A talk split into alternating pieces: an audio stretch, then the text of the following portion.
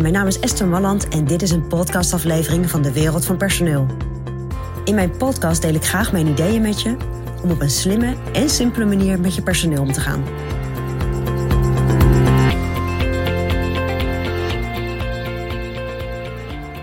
Ja, ben jij als werkgever te vertrouwen? Vaak denken we andersom, hè? Is een werknemer te vertrouwen? Of een medewerker die bij je werkt?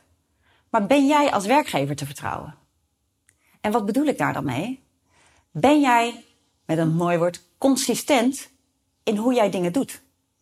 Weten mensen een beetje hoe jij gaat reageren op het moment dat er iets zich voordoet?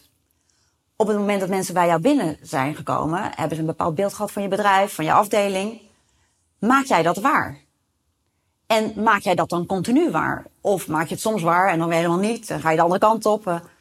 Dus ik vind het wel interessant om voor jezelf eens na te denken. Hoe consistent ben jij?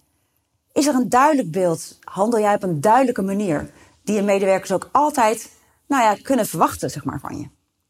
Want hoe betrouwbaarder jij bent als werkgever, als manager, als leidinggevende, als ondernemer, hoe fijner het is voor mensen om met jou samen te werken. Omdat ze gewoon weten wat ze aan je hebben.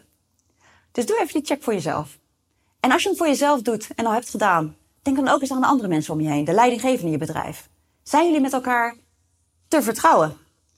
Vormen jullie een duidelijke lijn? Doen jullie dat op een consistente manier? Ik denk dat dat een heel interessant is om daar eens heel even bij stil te staan. Nou, dat is mijn persoonlijk advies vanuit de wereld van personeel.